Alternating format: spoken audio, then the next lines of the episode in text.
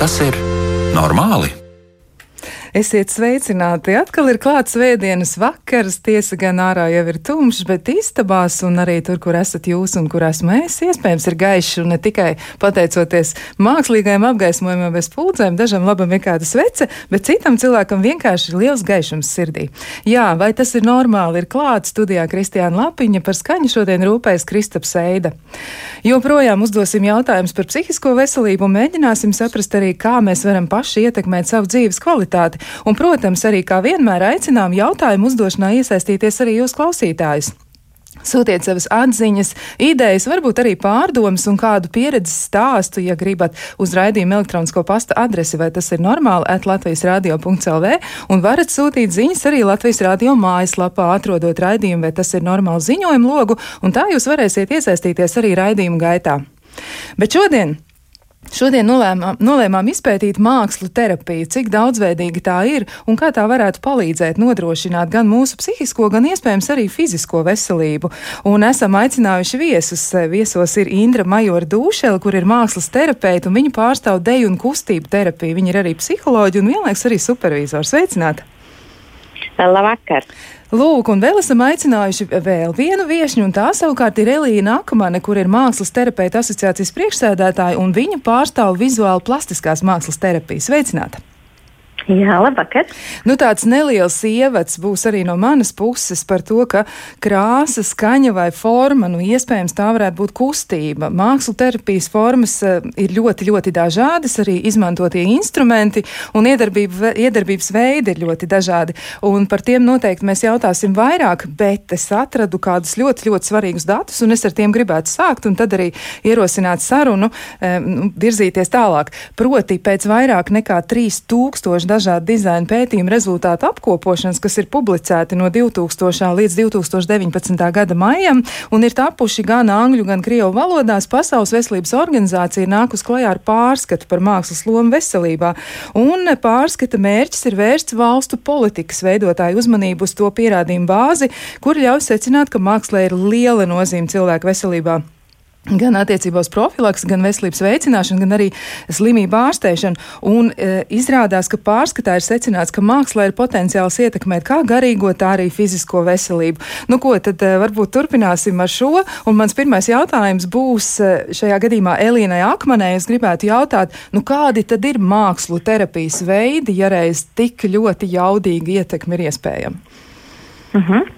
Jā, labvakar vēlreiz Zindra, labvakar Kristiāna. Uh, Um, jā, šis pārskats tiešām tāds ir izveidots, un, um, un tur ir apkopota dažāda, dažāda darbošanās ar mākslu ietekme uz psihisko veselību. Mēs droši vien visi uh, zinām vai pieņemam, ka jebkāda darbošanās ar mākslu ir, uh, ir patīkama, iespējams, relaksējoša. Uh, dažādas pozitīvas emocijas var aizsīt. Uh, Un, uh, droši vien runājot tieši par mākslas terapiju, droši vien ir svarīgi sākumā varbūt no, nenodefinēt, bet uh, uh, nodalīt varbūt to, ka tāda vienkārša māksla, darbošanās ar mākslas materiāliem var būt terapeitiski pati par sevi. Nu, kā, es varu mājās darboties pati un uh, uzlabot uh, savas emocijas dažādos veidos.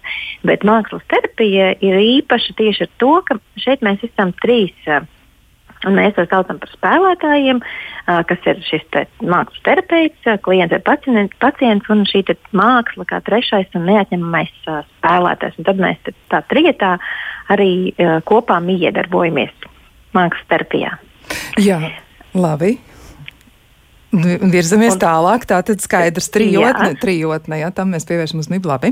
Mhm. Jā, jo, un, un, un tad es teiktu tā, ka, ka mākslas terapija tad ar tieši to arī ir unikāli, ka mums ir šis mākslas veids, vai tā būtu deju un kustība, vai drāma, vai mūzika, vai vizuāla plastiskā māksla, vizuāla plastiskās mākslas gadījumā. Un, nu, un tas ir tas mēdījis vai tas starpnieks, kas palīdz cilvēkam labāk izprast sevi vai teiksim, kaut kādas emo, emociju, emocijas izregu, iz, izreaģēt vai izregulēt. Un, nu jā, man, man, piemēram, pašai ir tāda ļoti, ļoti mīļa metāfora, ko es nereti mēdzu izmantot, ka māksla ir sava veida valoda. Un es teiktu, ka tā patiešām ir cita valoda, jeb cits veids, kā izstāstīt savu stāstu uh, vienkārši citā veidā. Un gan bērniem, gan pieaugušiem. Principā visu, visu vecumu cilvēkiem. Un, protams, ir specifiskas lietas, kas tieši terapeitiskajā procesā ir tieši mums, mūsu mākslā, kā instrumentam, kas, kas ir tas mūsējais. Un ar tām, protams, arī var padalīties. Jā. Varbūt Indra ir kaut kas piebilstams. Jā, lūdzu, Indra. Nu jā, tātad es domāju, ka mums visiem, kā cilvēkiem, ir pieredze ar dažādām mākslas formām. Un tas, ko Elīna teica, ka māksla pati par sevi ir terapeitiska. Tā ir, tā ir tāda tiešām universāla valoda. Un es domāju, mēs visi to zinām. Un kādam no mums uh, labāk patīk vai ir saprotama, kādu gandarījumu, labsajūtu dod kustība un dēļa, kāds varbūt ir ar teātri bijis iesaistīts ar drāmu vai ne vai patiešām nu, krāsošana, zīmēšana, darbošana ar krās, darbošanās krāsām un tēliem. Bet nu, teiksim, mūzika kā tāda universāla valoda mums visiem ir saprotams, ka māksla ir terapeitiska, ja, ka viņa atstāja šo pozitīvo efektu uz mums. Un, protams, ka tas, kas notiek mākslas terapijā, tur ir viens profesionāls pretī cilvēkam, klientam, kas prasmīgi šo valodu izmanto tā, lai klientam palīdzētu ar tām viņa aktuālajām lietām, nu, kas, kas nu katram mums ir. Vai nu tās ir kaut kādas fiziskas, emocionālas, sociālas. Ja, grūtības. Un, un tā tad ir viens profesionāls, kurš prot izmantot šo mākslas valodu un mākslas informāciju, lai palīdzētu cilvēkam pilnīgāk piedzīvot tos veselības stāvokļus. Mēs varētu varbūt tādā vispārīgā veidā raksturot mākslas terapiju. Jā, es arī atradu minētajā pārskatā, ko, ko Pasaules veselības organizācija ir sagatavojusi, ka mākslu terapiju, kāda tā ir Latvijā, nu kā tā eksistē, un tad ir laikam četras formas, par kurām es lūkšu, lūkšu jūs arī nu, sīkāk izteikties eh, par katru. E, tur ir vairāk aprakstīts tāds nu, vispārīgais efekts, bet izrādās, ka ir arī ļoti, ļoti daudzas citas ietekmes formas, kas arī būtu uzskatāmas zināmā mērā par kaut ko, kas ir nu, caur šo mākslas eh, pusi. Jā, piemēram, dizaina nozīme slimnīcās vai arī koncertu apmeklējumi, dažādas mākslas vērošanas nodarbības, pat cirks tur tiek ieskaitīts tajā visā, ka tas arī varētu būt terapeitisks. Varbūt Indra var komentēt arī tās sadzīviskās lietas, ko mēs piedzīvojam, vai tām arī varētu būt tādi terapeitiskie efekti. E, nu, noteikti, noteikti, jo nu, nu, īstenībā jau viss mūs ietekmē. Ja? Jautājums ir, vai mēs uh, apzināmies šo ietekmi, vai, vai viņa nu, tā, tā ir tāda neapzināta ietekme. Jā, jo, protams, ka nu, krāsas, gaisma, e, skaņas kvalitāte, augstums, e, jā, nezinu, kustība daudzveidīga. Nu, mēs to saprotam, kad, kad mēs izjūtam, kā tas mūs ietekmē, tad, kad kaut kas ir par daudz vai kaut kas ir hroniski par maz. Jā, tad, kad mēs piedzīvojam vai nu tādu hiper vai hipo stāvokli, vai ne, uh, kaut kādai šai stimulācijai no tiem, no tiem mākslas uh, ar mākslu saistītajiem signāliem. Ja? Nu, tā tad kustība, skaņa, gaisma, krāsa un tā tālāk. Ja? Un, protams, ka uh, es domāju, ir zinātnes nozars, kas ar to pēta vairāk. Domāju, arī vidas zinātne vai nē, nu, pēta šos aspektus. Uh, nu, kā, uh, kā iet, to ietekmi uz veselību. Bet nu, tā nebūtu tāda specifiska mākslas terapijas, nebūtu specifiska mākslas terapijas tēma. Ja? Mēs tomēr raugamies uz mākslas terapiju kā uz tādu psiholoģisku terapiju, kuras nolūks ir palīdzēt klientam specifiski ar viņu saistītajās uh, vajadzībās. Ja. Jā, nu labi, bet uh, varbūt tad tomēr uh, nu, raksturojiet uh, tos četrus veidus, kaut arī jūs abas pārstāvat katru savu, un tātad šovakar nu, tā reāli ir pārstāvēti divi, un noteikti jūs arī vairāk varēsiet to raksturot, bet varbūt Elīna Akman varētu izstāstīt mazliet sīkāk, nu kas tad katrā no tām Latvijas, Latvijas uh, apstākļos sastopamajām mākslu terapijas formām ir tas galvenais un kas tās raksturo. Mm -hmm.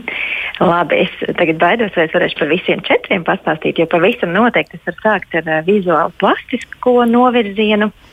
Ja mēs to devējam par specializāciju, tad, tad, uh, tad, tad šis profesionāls būtu mākslas terapeits ar specializāciju vizuāli plastiskās mākslas terapijā. Nu, tad vēl ir pārējie, kas ir drāmas specializācija drāmas terapijā, specializācija dēļu kustību terapijā un mūzikas terapijā. Nu, un tad uh, vizuāli plastiskās mākslas terapeits ir tas, uh, kurš darbojās ar klientu, ja pareizāk sakot, klients darbojās mākslas terapijas procesā ar šiem te uh, vizuāli plastiskās mākslas uh, materiāliem, kas ir dažāda veida krāsas, uh, veidojamie materiāli, līmējami, plēšami, ļoti, ļoti dažādi. Un, kā jau es minēju, jā, es teiktu tā, ka māksla mums ir tas mūsu unikālais un Uh, tas, kas tieši mākslas terapeita profesijai uh, specifiskais. Un, uh, mēs mākslas terapijā pieņemam, ka, ka tāda radoša darbošanās, kas notiek mākslas terapijas procesā, ir uh, diezgan cieši saistīta ar, tādiem, ar tādu procesu, kas ļauj pārvarēt uh, apziņas virsvadību. Respektīvi, mēs pieņemam, ka mākslas radīšanas procesam, tieši darbojoties ar mākslas materiāliem, kā jau minēju, krāsām, veido, veidoš, veidošanas materiāliem, ir tāda psihodinamiska daba, respektīvi.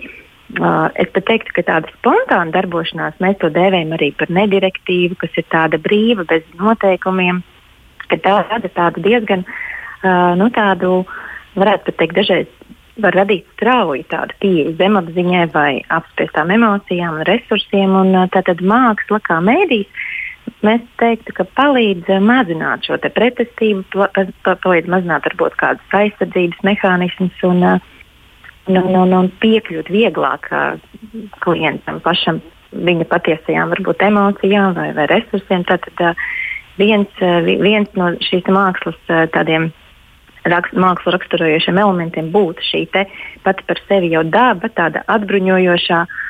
Jāsaka, gan kā atbruņojošāka tā ir bērniem, jo bērni nākot, piemēram, uz mākslas terapiju, ir daudz atvērtāk. Un, un es teiktu, ka bērniem varbūt tas arī nosaukums mākslas terapija jau ir tāds vieglāks, atbruņojošāks. Viņi vieglāk atverās un daudz vieglāk izstāsta savu stāstu. Uh, kas, uh, ko iespējams uh, viņi vārdos vienkārši neprot ietvert. Dažkārt, protams, tas ir pārāk sāpīgi, kāpēc viņi to nespēja vārdos ietvert, bet nu, mākslā tad ir šis cits veids. Un šajā gadījumā, ja mēs pieskarāmies tieši mākslas terapijai bērniem, tad arī ir šis te. Es teiktu, tāds varbūt diagnosticējošs moments, ja pareizāk sakot, grūtību identificēšanas moments, kad uh, vecāki atved uh, bērnu uz mākslas terapiju, jo viņiem, viņi redz, ka bērnam ir kādas grūtības, bet viņi īsti nespēja saprast, kas tad ir tas, un, un jo bērns arī nevar izstāstīt. Un tad tādā mākslas valodā, ja caur mākslu, tad mēs arī nonākam pie tās uh, grūtības.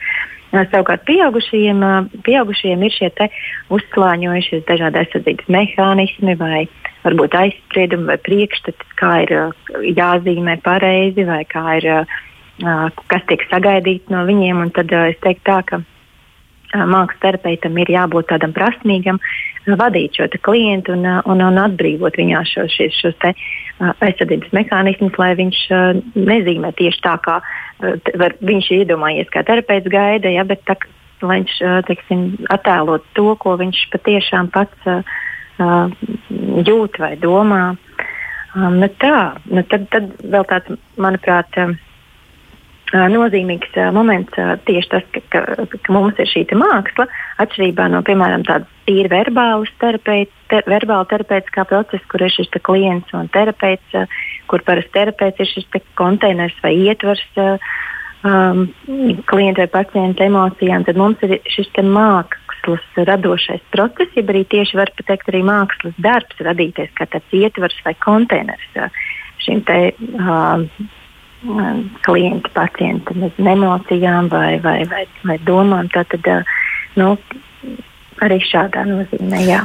Jā, nu skaidrs. Jūs teicāt arī, ka noteikti var diagnosticēt kaut kādas uh, lietas, kas notiek ar cilvēku, arī mēģināt varbūt izprast uh, stresa līmeni vai ko citu.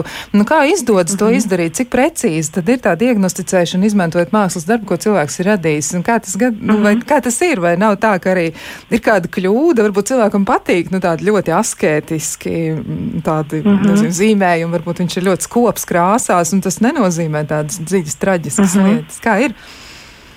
Jā, nu šeit uzreiz iezīmēju divi, divi, divi aspekti, ko es uh, sadzirdēju. Viens ir tātad, pirmkārt, uh, mākslas terapeits ne, ne, ne, nekādā gadījumā nediagnosticē, nediagnosticē piemēram, kādu saslimšanu mm -hmm. vai, vai, vai traucējumus, bet uh, mākslas terapeits var, uh, var pamanīt, piemēram, kādas iezīmes, depresijas iezīmes vai citas, un tad attiecīgi uh, strādāt ar šīm grūtībām, jeb arī, lai diagnosticētu, novirzītu, piemēram, pie ārsta, psihiatra vai, vai klīniskā psihologa vai, vai pie cita speciālista. Un, savukārt, tas otrs aspekts ir tas, ka mākslas terapeits, vizuālās plastiskās mākslas terapeits nekad neinterpretē. Gluži vienkārši, piemēram, redzot mākslas darbu, nu, atnesot, uh, dažkārt tā ir gadījies, kad kāds atnes kā zīmējumu, un tad, uh, nu, tā kā lai pastāsta, kas tur ir attēlots. Uh, tad tas ir tāds, es teiktu, varbūt pat mīts, nepareizs mīts uh, par to, kāds ir šis te, ko dara mākslas terapeits. Un mākslas terapeits uh, nekad neinterpretē bez šī klienta vai pacienta stāstījuma. Tā ir ļoti, ļoti nozīmīga daļa šī refleksijas daļa vai atgriezeniskā saites daļa, tā saruna par to radīto mākslas darbu un par to procesu, kas ir noticis. Un tieši tā, ja viņš uh, nu, pastāsta, pastāsta tieši, ko tas asketisms nozīmē vai ietver, respektīvi mēs atstājam šo nozīmes piešķiršanu paša klienta rokās. Jā, mēs, uh, mēs, uh, mēs tikai paņemam no tā, ko viņš stāsta, un mēs varam atspoguļot, varbūt, ko mēs redzam, bet mēs nekad nevaram tādu pašu interpretēt. Nu, skaidrs, tas nozīmē arī, ka tie simboli, ko reizēm mēdz saskatīt, ka tie arī tomēr ir jāskaidro, mm -hmm. ja nevar tāds pārsteidzīgs secinājums izdarīt. Bet eh, vēl, mm -hmm. vēl es gribu apjautāties arī, nu, jūs teicāt par to, ka ir piemērota mākslas terapija laikam jau tomēr nu, milzīgai cilvēku amplitūdai, vecuma ziņā, mm -hmm. gan bērniem, gan pieaugušiem cilvēkiem. Bet eh, kuros gadījumos mākslas terapija, tieši mākslas terapija, vizuāla plastiskās mākslas terapija ir mhm. īpaši mm -hmm. Iesakāma? Nu, īpaši iesakāmas, es domāju, tieši ta, tajos gadījumos, kad, kad, kad var būt grūtības, piemēram, arī verbāli izpaust savas jūtas, piemēram, ļoti piemērota bērniem, kas ir cietuši vardarbībā, ja vispār bērniem es teiktu, jo viņiem, kā jau minēju, mēdz būt vieglāk izstāstīt caur, caur šiem simboliem un savu stāstu izstāstot pašiem, pašiem varbūt citā veidā. Bet, bet nu, būtībā jebkuram, kurš, kuram, kuram arī var būt tūs, var arī nebūt tūs radošais process, bet var būt tūs radošais process ar mākslu, un varbūt arī tas ir veids, kā, kā pastāstīt. Nu, jā, kā iepazīt sevi vai, vai citas grūtības risināt, jā, caur šo mākslas klātbūtni. Teikt, jā.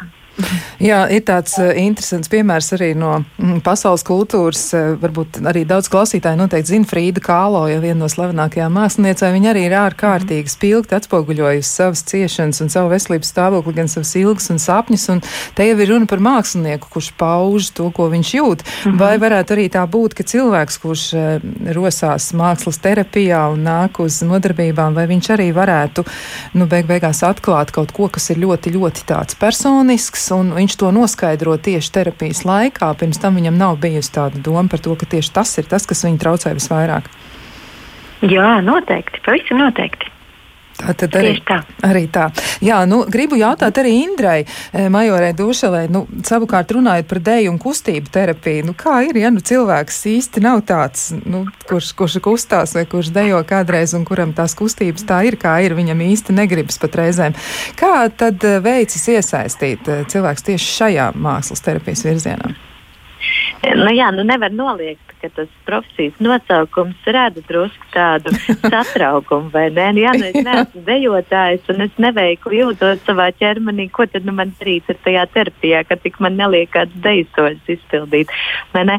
Un tas būtu tāds mīts par to, ka mums kaut kas no dejošanas vispār būtu uh, jāsaprot. Un, uh, drīzāk, protams, ka cilvēkiem ir vieglāk atnākt uz kustību terapiju, jo, jo lai nu ko kaut kādā mērā kustamies mēs visi.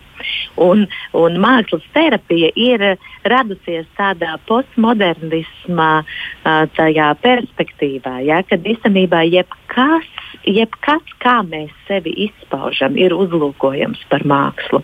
Ja? Un faktiski jebkāda veida kustība, ja mēs uh, vēršam uz to uzmanību, uh, viņa kļūst par deju. Ja? Tā kā es gribu teikt, ka um, mani un deju terapeitus vispār nekādā veidā uh, nesatrauc tas, ka cilvēki jūtās bikli attiecībā uz kustēšanu, jo tas ir saprotami. Tas ir saprotami. Mēs pieņemam, ka jeb lielākā daļa, es nevarētu teikt, jebkurš, bet lielākā daļa cilvēku kā, um, nu, jūtās uh, sākumā. Nu, bikli un kautrīgi un nedroši līdz ieiet iekšā radošajā procesā. Bet tas, bet tas attiektos uz, uz visām, visdrīzāk uz visām mākslas terapijas formām. Tādēļ jau mēs esam tur klāt, lai palīdzētu soli pa solim, ļoti pakāpeniski. Ja? Jo nu, faktiski tas veids, kādā es strādāju, es vienmēr strādāju ar vispierastāko kustību. Mēs sākam ar vispierastāko kustību, kas mums ir. Mēs sākam ar staigāšanu. Ja? Mēs visi Eh, nu, izņemot cilvēkus, kuriem ir kustība ierobežojumi, bet tad mēs ar viņiem rēķinamies. Ja? Nu, mēs visi pārvietojamies no vienas vietas uz citu vietu, un tā jau ir kustība. Ja? Un tajā mirklī, kad mēs vēršam uzmanību uz to, kā mēs kustamies, ka mēs ienesam savas sajūtas, um, um, ķermeņa novietojumu. Mēs ienesam to savā uzmanībā. Mēs ar to varam sākt kaut ko darīt. Mēs varam sākt pētīt. Ja? Un, protams, ka mēs gan izmantojam tādu mūzikas atbalstu, vai ne? Jo ir mūzika, kas stimulē mūs kustēties mazliet aktīvāk vai nomierinošāk. Ja? Mēs izmantojam rekvizītus, tad mēs izmantojam uh, bumbas, lakas terapijas procesa laikā soli pa solim nonākt līdz tam, ka viņš ļaujās spontānai kustībai, tādai kustības improvizācijai, tad tā dēļa. Ja, tāda unikāla cilvēka dēļa, viņa radās, un tā ir brīnišķīga pieredze. Ja, es domāju, cilvēki, kuriem ir tāda pieredze ar to, kā mēs aizraujamies dēļā, cik tas ir fiziski, emocionāli, pat garīgi piepildoši. Ja? Es domāju, ka nu, tas ir tas terapeitiskais efekts. Nu, terapeita darbs ir palīdzēt cilvēkam nonākt tādā labā kontaktā gan ar savu ķermeni, gan ar savu emocionālo pasauli un, un izpaust to kustībā. Un ko varētu tieši palīdzēt attīstīt dēļas un kustības terapiju? Tas izklausās ar milzīgu potenciālu tomēr ir šis process. Ko tad īpaši varētu attīstīt? Jā, jā. Nē, nu, nu tā tad varbūt es sākšu no tās puses, kādi cilvēki nu, meklē deju un kustību terapiju. Jā. Ja? Vai kam tā, nu, kam tā varētu būt noderīga? Um, nu, tā tad, ja mēs runājam par tādu uh, rehabilitācijas lauku, tad īstenībā cilvēki, uh, kuriem būtu psihosomatiskas grūtības. Ja, Tātad ķermenī izpaužās visdažādākie simptomi, kur cēlonis būtu emocionāls. Ja, bieži vien šie cilvēki nokļūst somatiskajā klīnikā, piemēram, ar dažādu veidu chroniskām sāpēm. Ja, vai ar neizskaidrojumiem somatiskiem simptomiem. Ja? Kad faktiski ir skaidrs, ka ķermenis par kaut ko signalizē, bet, bet tāda saikne ar to emocionālo pārdzīvojumu nav. Un tad īstenībā dēļa un kustība terapija kļūst par vidi, kurā šo ķermeņa signālu izpētīt. Ļoti pakāpeniski. Tas nenotiek uzreiz, ja līdzīgi kā Elīna teica, nu, mums ir mazliet jāpārvar vai ne tāds, nu, tā, tā pirmā nedrošība, lai mēs atļautu kaut kā sevi iegremdēties radošajā procesā un ļautu tam te, te zemapziņas impulsiem izpausties. Ja? Um, nu, tā tad um, Um, protams, ka arī cilvēki, kuriem ir dažādi kustību ierobežojumi, kādā veidā sadzīvot, ja, kādā veidā justies ērti savā ķermenī, neskatoties uz manu somatiskām vai fiziskām saslimšanām un ierobežojumiem. Tā kā īstenībā draudzēties ar savu ķermeni un kustībām, cik tas ir iespējams. Ja. Um, Uh, protams, ka nu, protams, kad arī bērniem kustība ir ļoti dabiska valoda. Ja? Savukārt senioriem uh, kustība ir absolūti nepieciešamība. Ja? Jo tā ir tā tāda, nu, tas, kā mums uh, palīdzēt būt vitāliem un, un veseliem. Ja? Nu, tātad mēs izējām no tās dabiskās, fiziskās vajadzības un tad raugamies uz tiem dažādiem emocionāliem un sociālajiem pienesumiem, ko, ko kustība un dēļa var sniegt. Jā, izklausās patiesi, tur ir ļoti, ļoti daudz, daudzas nianses, un arī ir pilnīgi skaidrs, ka tas var mūsos attīstīt, tiešām, vai pamodināt resursus, jā, arī tā var būt. Bet mēs sarunu par mākslu terapiju un tās dažādajām formām un ietekmes veidiem, un arī par to, kam tā ir piemērota, turpināsim pēc ļoti īsa brīža.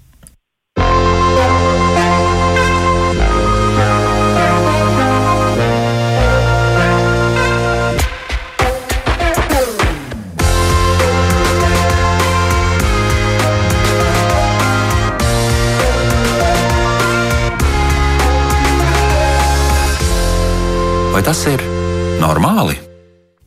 Jā, mēs turpinām sarunu par mākslu terapiju. Tā patiesi ir ļoti, ļoti dažāda, un mums ir iespēja izpaust gan sevi, gan noskaidrot daudzas lietas pašiem par sevi, gan arī uzlabot savu veselību vai rehabilitēties. Nu, tiešām mēs varam ļoti daudz ko ar to paveikt. Un atgādināšu arī, ka mūsu viešņas šovakar ir Indra Majora Dūšela, mākslas terapeita, kur pārstāv deju un kustību terapiju, un Elīna Akmane, kur savukārt pārstāv vizuālu plastiskās mākslas terapiju, un abas dāmas ir psiholoģis. Un šajā brīdī e, arī būtu ļoti iederīgi jau pievērsties klausītāju jautājumiem, bet pirms mēs vēl to darām, es noteikti atgādināšu arī, ka jūs varat eh, nu, savu, savu dzīvi padarīt eh, savā ziņā gan interesantāku, gan arī varbūt eh, palīdzēt paši sev un vienlaiks arī citiem cilvēkiem. Proti, jūs varat pieteikties podkāstam, un podkāstu nosaukums ir tieši tāds pats kā raidījumam, vai tas ir normāli. Jūs jau ierakstītos podkāstus varat noklausīties Latvijas sabiedrisko mēdīju mājaslapā un tad izlemt, vai tas ir piemērots jums, bet pieteikties jūs varat un piedalīties šādā virtuālā virtuālā sarunā, daloties ar savu pieredzi, Varat tad, ja atsūtīsiet savu pieteikumu uz e-pasta adresi, vai tas ir normāli, atlatvijas radio.clv, un mēs noteikti jūs atradīsim un sazināsimies. Bet atgriežoties pie raidījuma temata, nu arī tiešām par cik abas dāmas ir psiholoģis, tad eh, noteikti mēs varam uzdot arī šo jautājumu, ko ir uzdevis viens no klausītājiem. Vai Rošaha tests ir mākslas terapija? Nu, Rošaha tests ir klasiska diagnostiska metode. Varbūt kāda no jums, varbūt Elīnāk man varētu atbildēt. Kā ir ar Rošaha mm -hmm. testu?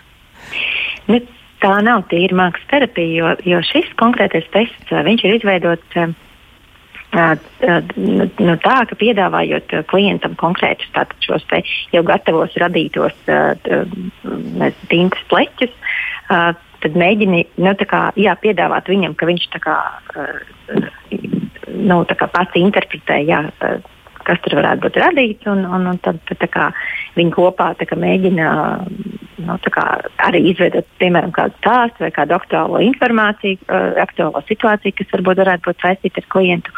Nu, varētu teikt, ka uh, runājot par mākslas terapijas vēsturi, mēs šo, šo testu pieminam, jo uh, varētu būt.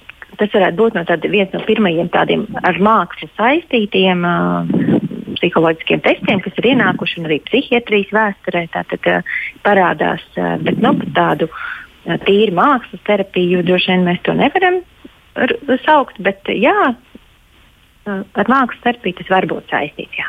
Mm -hmm.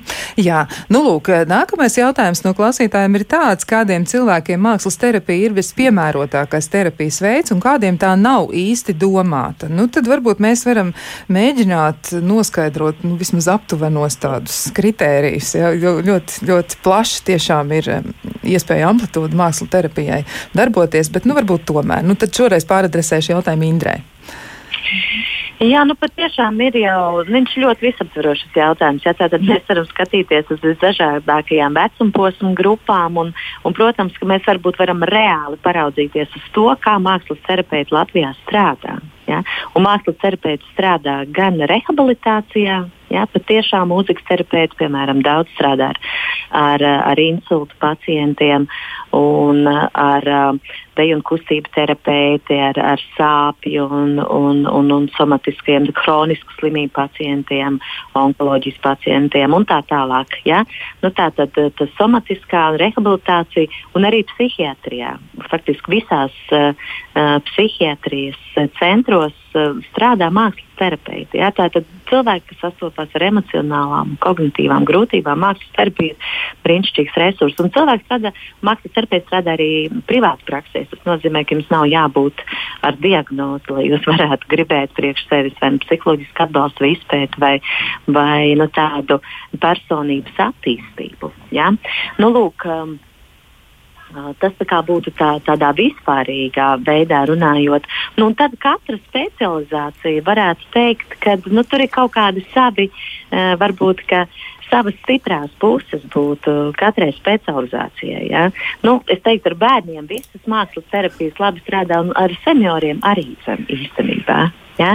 Un tad jau pieaugušajiem, redziet, pieaugušajiem viens jautājums, varbūt arī, nu, kura no mākslām tevi vairāk uzrunā, ja? caur kuru tev liekas, ka tā varētu būt valoda, caur kuru tu gribētu sevi labāk iepazīt.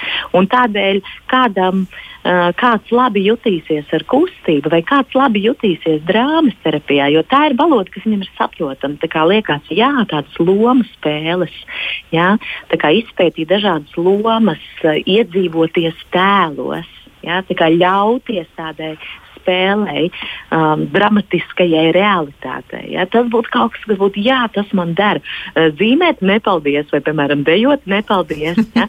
Tādēļ, ja, tādēļ man liekas, nu, ka pieaugušais cilvēks nu, var jau parādīties, um, kas kas vairāk uh, rezonē, ja, kas vairāk uzrunā.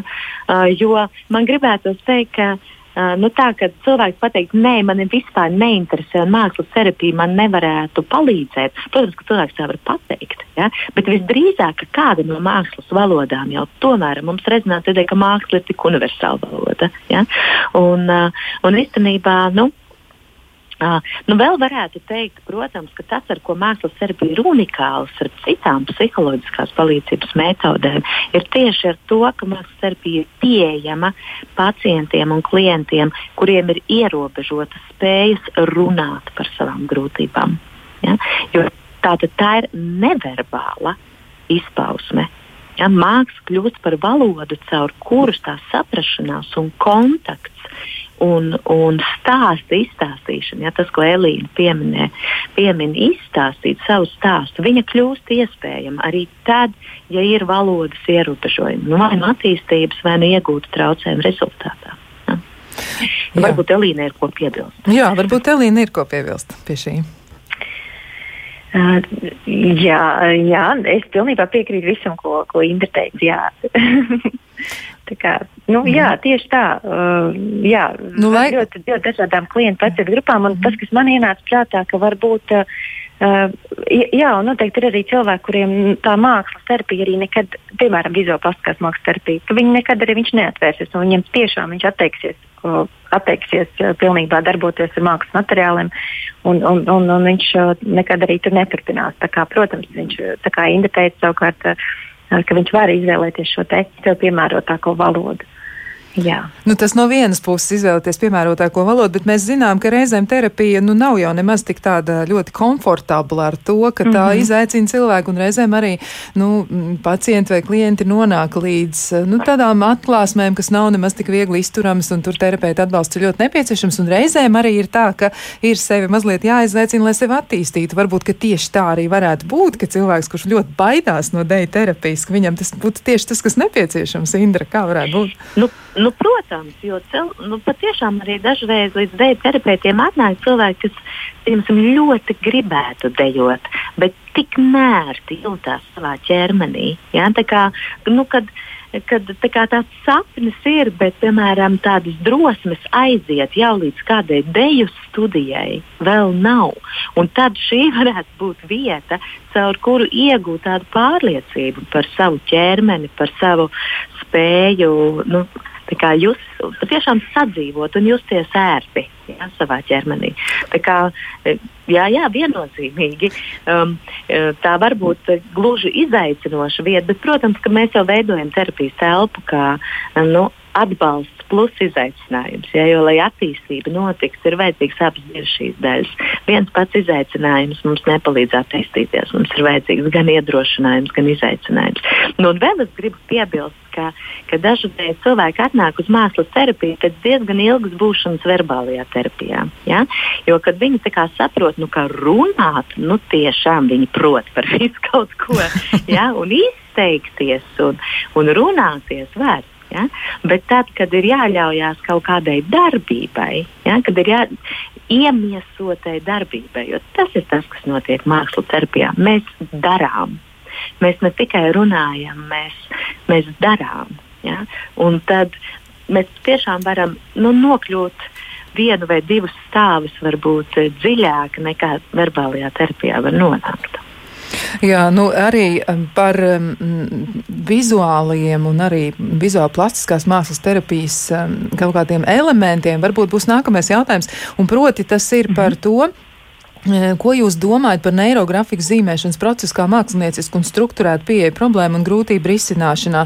Instruktoru vadībā zīmētie darbi man ir ļoti noderīgi un atbalstoši, un to ir atsūtījis viena no klausītājiem šādi jautājumi. Nu, tad Elīna varētu komentēt. Mm -hmm. Jā, ir, ir tāda metode, un, un, un daži mākslas terapeiti, uh, es esmu arī redzējis, ka šo metodi izmanto savā darbā. Uh, Bet eh, tāda, nu, es teiktu, ka tā varētu būt eh, tāda papildus metode, darbojoties, eh, bet par tādu tīru mākslas terapiju gan es to nesauktu. Bet tā var būt metode, tāpat kā piemēram mandala zīmēšana vai krāsošana. Tā var būt metode, kas var palīdzēt izzināt sevi, vai, vai arī nezinu, tur meklēt kādu simbolu, respektīvi Visas šīs metodas ir vērstas uz tādu simbolu meklēšanu un nozīmes piešķiršanu, kas var būt līdzīga mākslas terapijai. Bet, bet nu, tādu, tādu mākslas terapiju to nesaukt, jo mākslas terapija būtībā ir uh, uz pierādījumiem balstīta prakse.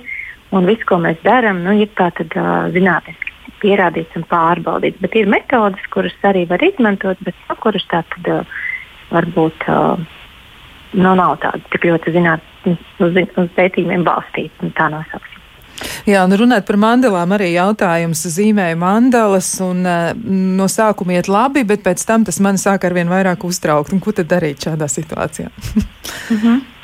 Nu jā, nu redz, tas ir, tas ir tā, šīs ir tās mākslinieckās uh, aktivitātes, kas, uh, kas var būt, uh, piemēram, palīdzošas, bet tās var raisīt emocijas. Kā jūs minējāt, tad mākslas radīšana mēdz uh, Eh, diezgan strauji piekļūt dažādām emocijām. Tāpēc mākslas terapijā arī ir šis mākslas terapeits, kas palīdz integrēt to, kas ir noticis. Nu, sarunas veidā vai, vai, vai tad, eh, nu, tad arī ir integrēt tos procesus, kas ir notikuši. Un, uh, man šķiet, ka šeit varbūt ir būtiski minēt arī to, ka, ka cik svarīgi tomēr, ka šis mākslas terapeits vai tas profesionāls, kas uh, ka ir šis profesionāls ar iegūtu konkrētu izglītību, tātad mākslas terapeits, jo uh, mēs arī esam diezgan tādi uzmanīgi un vēršam uzmanīgi sabiedriskajā telpā, kur tiek dažādām aktivitātēm arī piedāvāt šis nosaukums mākslas terapija, arī, arī, arī citu specializāciju mākslas terapijas šis novirziens. Un, un šie profesionāļi mēdz būt arī dažādi. Uh, viņu, viņu prāts nereti ir tā, ka viņi, ja viņi pievieno šo mākslas aktivitāti, tad uh, ir ļoti vilinoši to nosaukt par mākslas terapiju. Bet patiesībā jā, ir svarīgi šis profesionāls, kas saprot un ir apmācīts, eh, kā rīkoties šajā situācijā, kad, piemēram, parādās eh, kādas spēcīgas emocijas mākslas radīšanas laikā. Jā, nu vēl viens jautājums arī par to, vai mākslas terapijas eh, formas, ja tos veidus var mainīt. Nu, piemēram, sākt ar kaut ko vienu un pēc tam atklājot kaut ko par sevi, doties uz kādu citu, vai tas ir efektīvi? Nu, Elīna vēl varētu turpināt atbildēt uz šo jautājumu. Es domāju, noteikti ir mainīt. Jā, Tā, Jā es domāju, noteikti. Jā. Jā, Indra? Es piekrītu. Tas būtu tiešām arī tāds ceļojums, jo nu, katra no mākslas formām atver kaut ko citu. Ja, un, un mēs studentiem studiju procesā piedāvājam pieredzi ar visiem četriem mākslas terapijas veidiem. Ja. Un tā, protams, ir ārkārtīgi bagātinoša, lai arī students, piemēram, ir izvēlējies studēt vienu konkrētu specializāciju, bet pieredzi viņš iegūst eh, nu, visās, visās specializācijās. Un, un, protams, ka tās pieredzes ir atšķirīgas, tāpēc ka mēdīs ir atšķirīgs un mazliet, eh, un mazliet arī tā kā. Nu, Eh, protams, ka tie akcenti ir citi, jo nu, drāmas terapija ir, ir ļoti sociāla, uz komunikāciju vērsta. Ja? Un mūzikas terapijā savukārt mūzika ir tik universāla valoda, ja? kad eh, ka, nu, tur ir gan, gan tā saucamā. Um, uh, nu, ir aktīvā mūzikas terapija, kur cilvēks uh, rāda un iesaistās kopā muzicēšanā, tad ir ir, pēkšņi aizmirsu precīzi nosaukumu, tā kā tā uztverošā mūzikas terapija, kur cilvēki klausās mūziku, jā, klausās un, un, un, un pārdomā un reflektē un, un liek varbūt klāt kādu zīmēšanu vai tēlu radīšanu pie mūzikas klausīšanās. Jā. Un tādēļ, ka, nu, tādēļ, ka tomēr katrai mākslas valodai ir, ir tādas varbūt tās dažāda veida durvis Ja, mēs varam nokļūt dažādu veidu durvīs, iespējams, dažādās telpās, mūsu iekšējās, psihiskajās telpās, ja, kuras mēs varam izpētīt ar mākslu. Jā, vai arī var attīstīt cilvēkā spēju labāk uztvert mākslu vispār kā tādu, arī caur mākslas terapiju, vai arī tas būtu sasniedzams rezultāts, Indra? Jā, Jā, es domāju, ka noteikti. Nu, Galu galā e, nu, nu, tās ir jau neirozinātnes zināšanas, vai ne? Uz ko mēs vēršam uzmanību un ar ko mēs nodarbojamies, tas tiek attīstīts. Ja? Uh, nu, Tātad, ja mēs kaut ko darām, tad mēs patiešām attīstām savu spēju to piedzīvot labāk, zināt labāk, pazīt labāk, varēt labāk. Ja? Kā, protams, Jā. Un varētu teikt, ka caur mākslas terapiju mēs arī attīstām savu radošo potenciālu. Jā, jo, lai mēs varētu būt radoši, mums varētu savā ziņā mums ir jātiek pāri tam iekšējiem kritiķiem vai iekšējiem aizliegumiem, kas mums saka, nu, nē, tev nesanāks, tu, nu, tu neesi pietiekami labs, vai ne? Vai kādreiz man bērnībā kāds bija pateicis, nu, nē, dejotājs no tevis nebūs. Vai, jā, vai tev nezinu, kāds uz zeles uzkāps, nu, ko tu tur padziedāt nevar. Ja? Un tā tad nu, kaut kādi tie. tie iekšējā pieredze, iekšējie aizliegumi mūs var ierobežot, būt radošiem, piemēram, savā profesijā. Ja?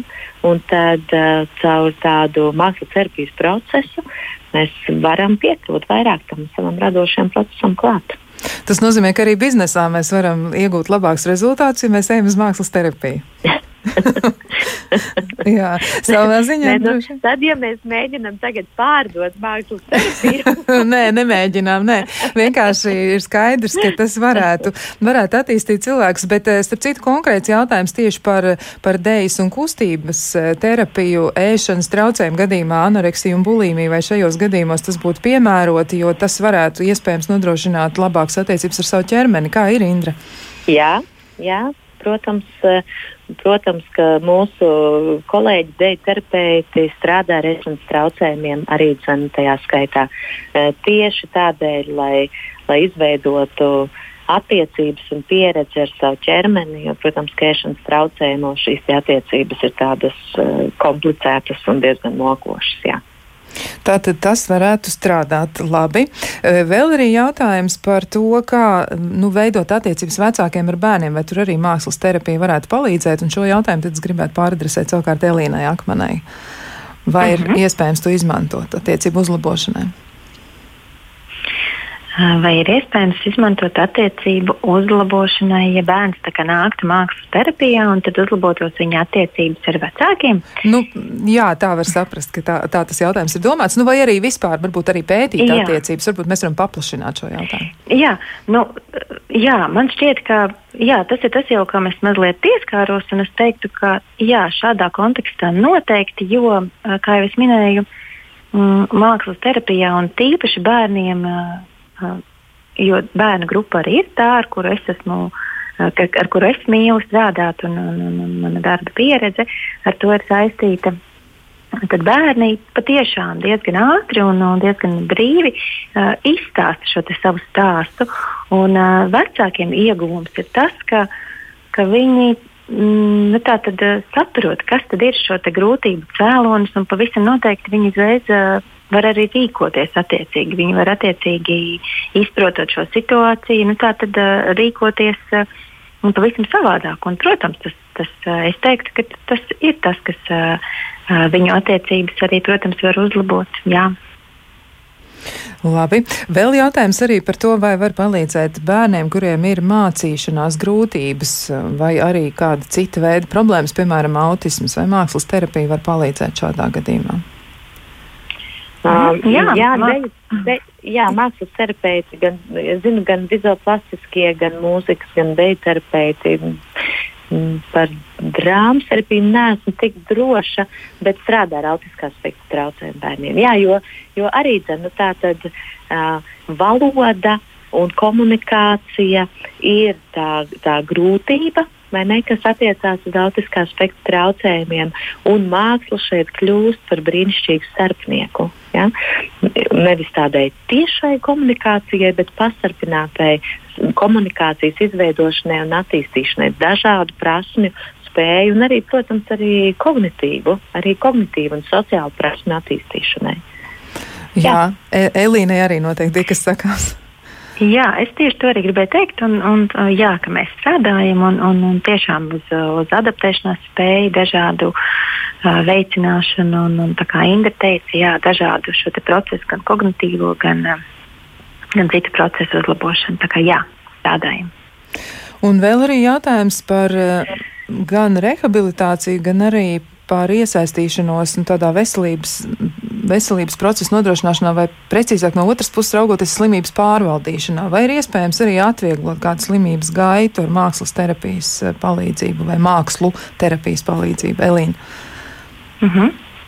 nu, jā, pavisam noteikti, jo, jo pie jebkuras saslimšanas uh, bieži vien uh, mēs visi fokusējamies, nu, ne, nu, nevis mēs visi, bet tātad gan klients, pats, pacients, gan, gan piemēram, ārstieši ārsti nu, fokusējās uz šo fizisko saslimšanu, bet līdzās jau nāk arī šie emocionālie faktori. Tad, tad uh, ir ļoti daudz uh, sarežģītu emociju, iespējams, nekad ne, ne, iepriekš nepiedzīvotu.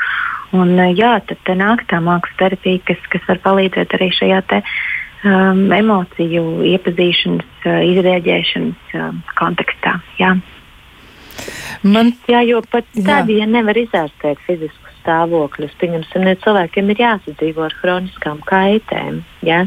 Jā. Uh, tad uh, atbalsts un process, kā nonākt līdz tam, ka es varu pieņemt savu fizisko stāvokli un dzīvot, ja, un turpināt um, nu, kā, piedzīvot dzīvi. Ja, nevis tā kā būt upuris tai situācijai.